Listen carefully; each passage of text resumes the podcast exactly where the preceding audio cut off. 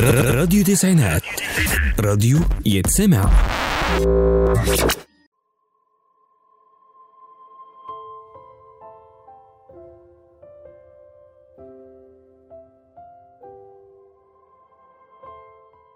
مساء الخير في حلقة جديدة من برنامج أصل الحكاوي على راديو تسعينات.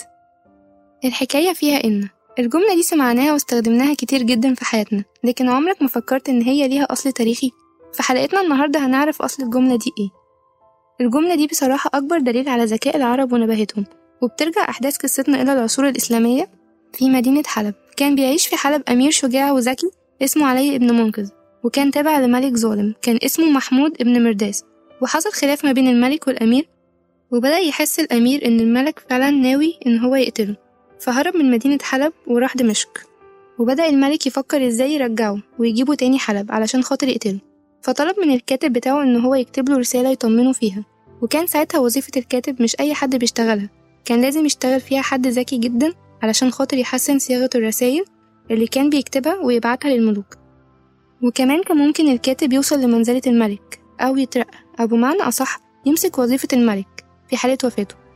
فكتب الكاتب رسالة لعلي ابن منقذ عادية جدا لكن كتب له فيها في الآخر خالص إن شاء الله بتجديد النون.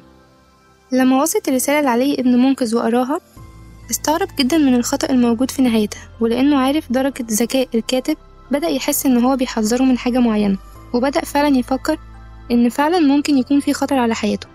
لحد ما جه في باله قول الله تعالى إن الملأ يأتمرون بك ليقتلونك وهنا إن بتجديد النون. فعرف إن الكاتب كاتب له الجملة دي علشان يحذره بنفس الآية الكريمة. وعلى الفور رد عليه ابن منقذ على الملك برسالة عادية جدا بيشكره فيها على أفضاله كمان على ثقته الشديدة بيه. وختم الرسالة بتاعته بعبارة أنا الخادم المقر بالإنعام بتجديد النون. فلما قراها الكاتب عرف إن الأمير بدأ يعرف الخطر اللي كان مهدد بيه وفهم معنى الرسالة بتاعته. وبيرد عليه بقوله تعالى إنا لن ندخلها أبدا ما داموا فيها. وبعد الحادثة دي بقى على لسان الناس في أي موضوع في شك وغموض كانوا بيقولوا إن الحكاية فيها إن.